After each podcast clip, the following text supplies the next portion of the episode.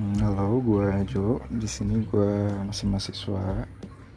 Jadi kayaknya gue nggak bakal ngomongin keputusan-keputusan pemerintah gitu soal covid shit ini. Gue cuman mau ngomongin thoughts about this quarantine effect to orang-orang di sekitar gue.